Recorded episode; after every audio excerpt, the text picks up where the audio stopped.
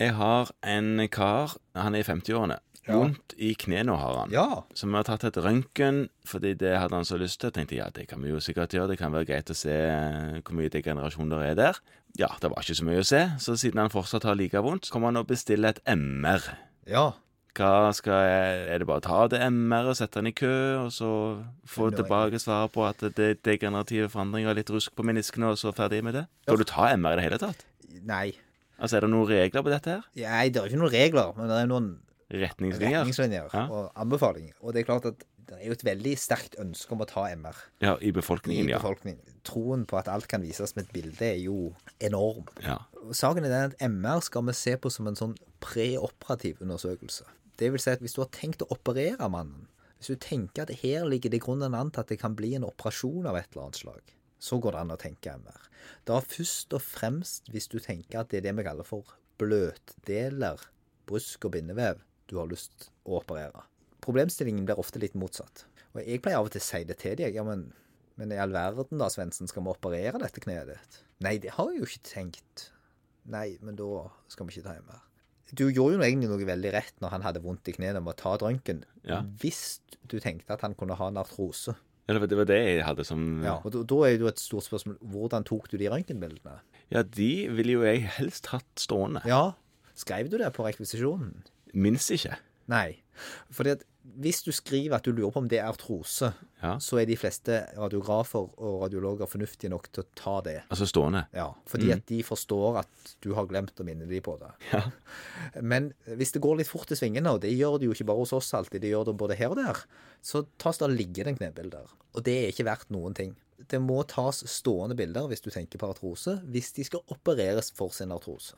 Nettopp. Ja, og så er det jo fortsatt sånn hvis vi skal snakke om artrose, at hvis så lenge de har god effekt av tabletter og ikke er så veldig plagt i hverdagen, så blir de ikke operert for den artrosen. Nei, de gjør ikke det. Og da er det heller ikke vits i å ta bildene.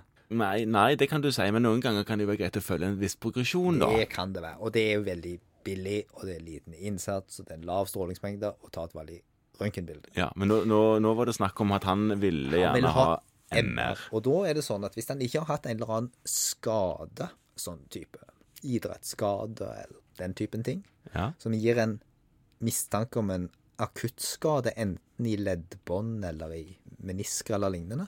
Eller han har det vi kaller for låsningsfenomener, der kneet plutselig blir stående i en rar vinkel, og der står det til han får rista det løs igjen. Mm. så er sjansen for at han skal opereres tilnærmet lik null. Og hvis det er artrose du tenker på, litt sånn subtilt begynnende artrose, så får du et alvorlig fnys fra ortopedene hvis du har påvist det på MR, mens det ikke viser noe på røntgen. ja. Det er ikke indikasjon for operasjon. For Nettopp. det er sånn at en MR er såpass nøyaktig og så følsom at hvis du tar MR av 50 år gamle knær, så ser det ikke helt pent ut hos noen av de. Nei, jeg har vel snakket med radiologer som sier at de har ennå ikke sett et normalt MR-bilde. Nei.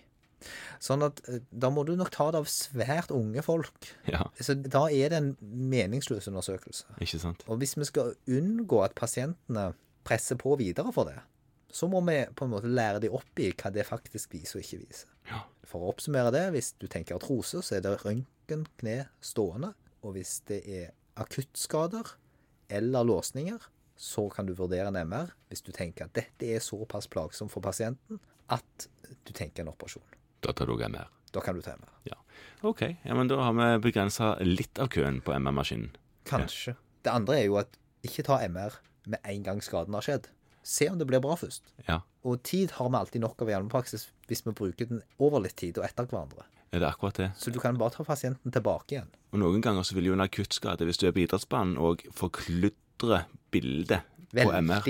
Så da kan det òg lønne seg å vente litt, selv om en idrettsutøver notorisk sett er ekstremt utålmodig. Ja. Det er jo enda mer utålmodig enn folk flest, har jeg hørt. Helt klart.